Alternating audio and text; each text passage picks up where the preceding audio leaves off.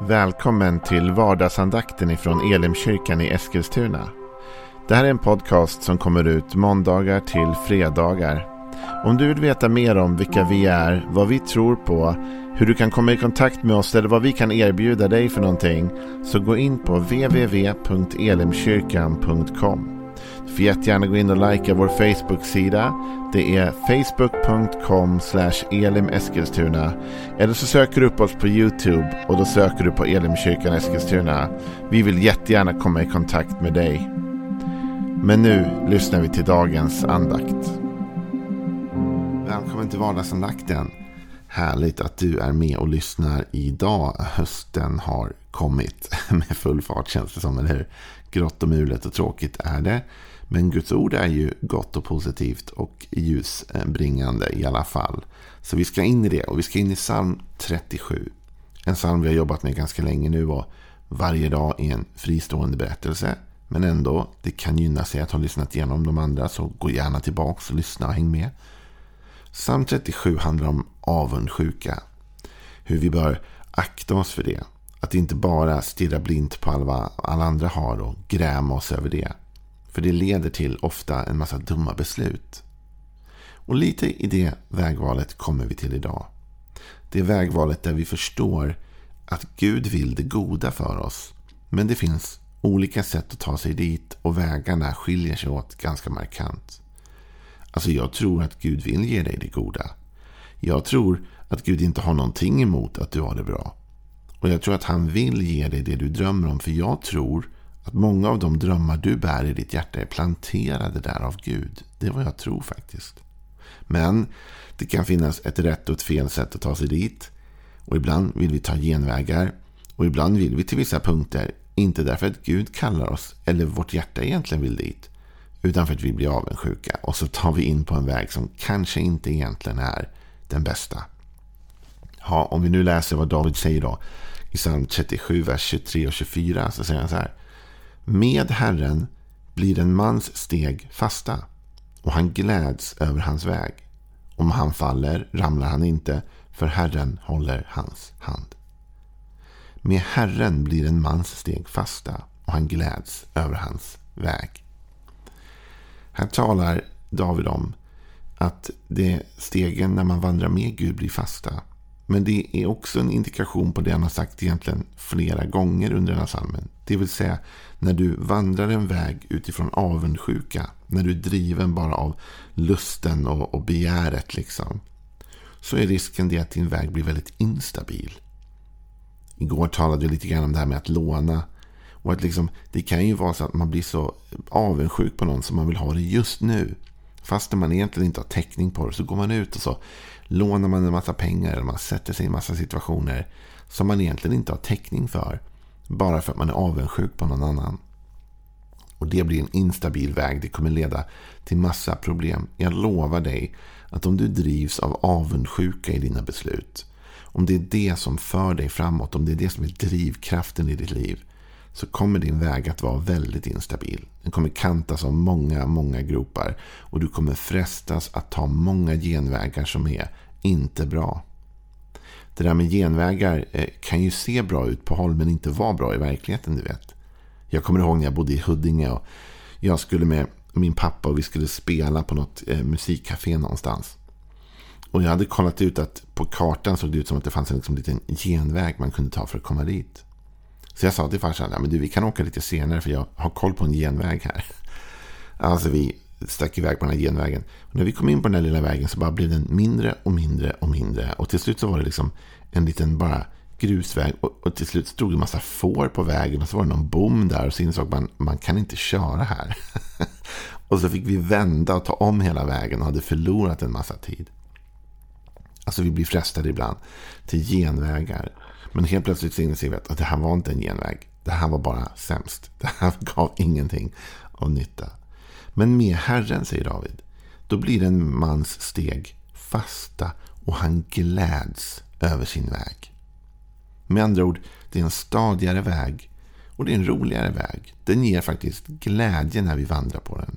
Och den ger ju en känsla av välbehag. Därför om du och jag vandrar med Herren, om vi väljer hans vägar, då väljer vi en högre etik och moral också. Och Det innebär att när vi väl når toppen eller når till karriären eller när vi väl lyckas med det där vi drömde om så har vi också bevarat oss själva, vår egen integritet på vägen dit.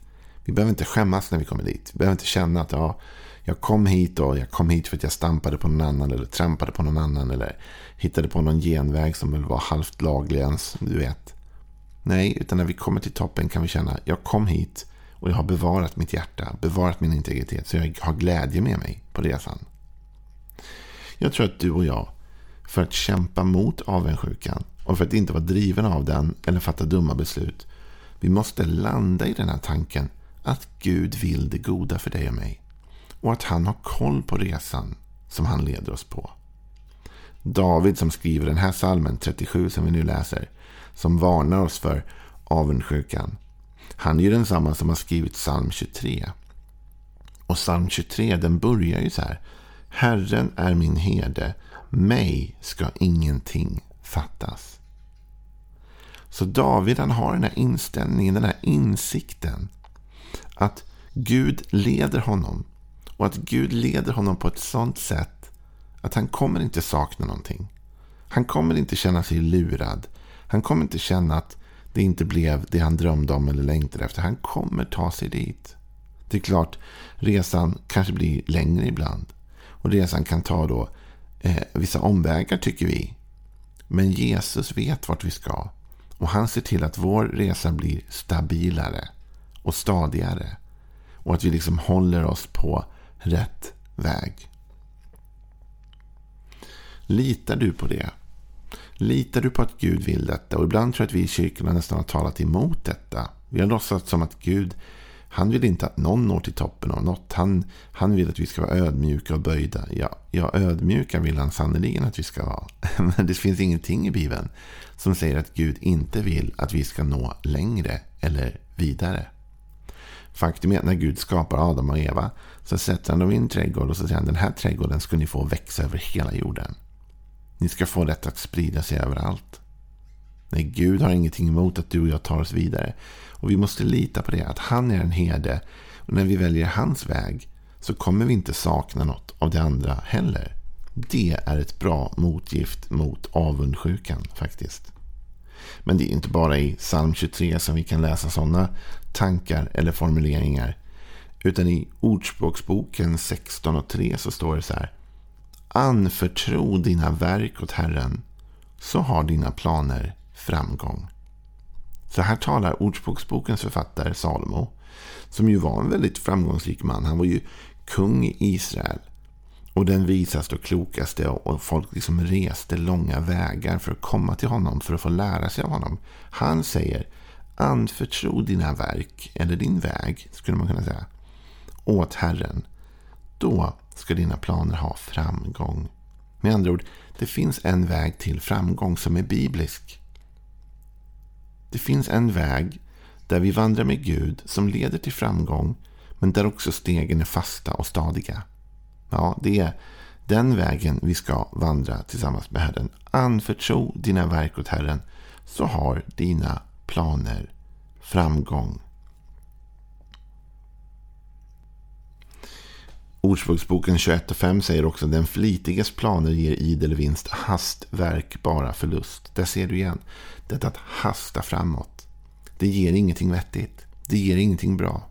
Det kommer bara leda dig till snabba, dåliga beslut. Jag har en, en av mina bästa vänner. Han brukar säga så här till mig när vi pratar om saker som går sakta eller saker som tar tid eller sådär. Eh, och då brukar han säga så här, det enda som växer snabbt är cancer. Så brukar han säga till mig, och det finns en poäng med det. Med andra ord, det är faktiskt inte alltid positivt när saker växer för fort. Saker måste växa i ett lämpligt och rimligt tempo, för hastverk ger bara förlust. Men när vi anförtror vårt verk åt Herren och vi litar på att han är den gode herden, då gör han våra steg fasta och han gör resan rolig medan vi vandrar den. Det där är något som vi kan läsa om också i, i Ordspråksboken på ett annat eh, eh, ställe som förklarar även detta med glädjen under resan kan man säga. För i Ordspråksboken 10 och 22 så står det så här. Herrens välsignelse ger rikedom. Egen möda tillför inget. Det finns ett par saker att säga om det här. Vi ska läsa någon annan översättning också. För jag är inte stormförtjust i just den här översättningen. Men Herrens välsignelse ger rikedom. Så om du tänker att jag är avundsjuk på någon för dens rikedom. Och jag vill dit och jag är beredd att ta vilka genvägar som helst. Jag är beredd att, att låna mig till saker som jag inte ens har råd med bara för den här rikedomen. Så säger Bibeln, tagga ner lite nu. Herrens välsignelse ger rikedom. Och om man nu läser de engelska översättningarna, framförallt kanske av Bibeln, så står det så här. Det är väldigt bra faktiskt. Det är King James säger så här. The blessing of the Lord makes one rich, and he adds no sorrow with it. Han ger ingen sorg med den. Det är starkt faktiskt. Likadant finns det andra översättningar. Till exempel så säger NIV så här. The blessing of the Lord brings wealth without painful toil for it. Så med andra ord, här pratas det om att, att när du och jag väljer Herrens välsignelse, då kommer rikedom och, och, och, och, och liksom värden av olika slag utan att det tillför smärta. För du vet, du kan uppnå rikedom och du kan uppnå liksom, att ha mycket och lyckas med saker. Men du kanske uppnår det med smärta. Med andra ord, det, det gör ont att komma dit. Och det gör ont i både samvetet, det kan göra ont på många andra sätt också. Man får offra mycket av det som egentligen kanske inte är värt att offra.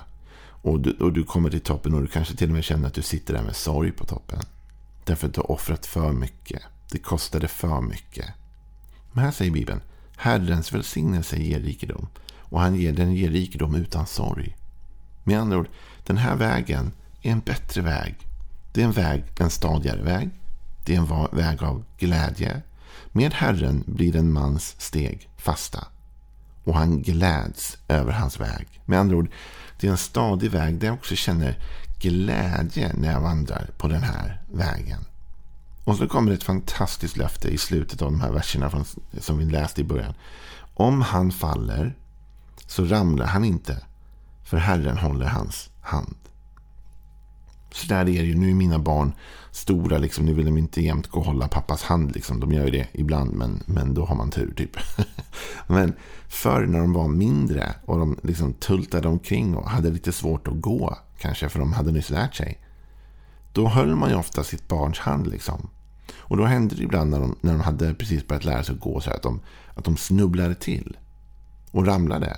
Men de föll ändå inte för man höll dem i handen. Så man liksom kunde rycka upp dem snabbt igen på fötterna. Och de behövde aldrig ramla ner på marken eller göra sig illa.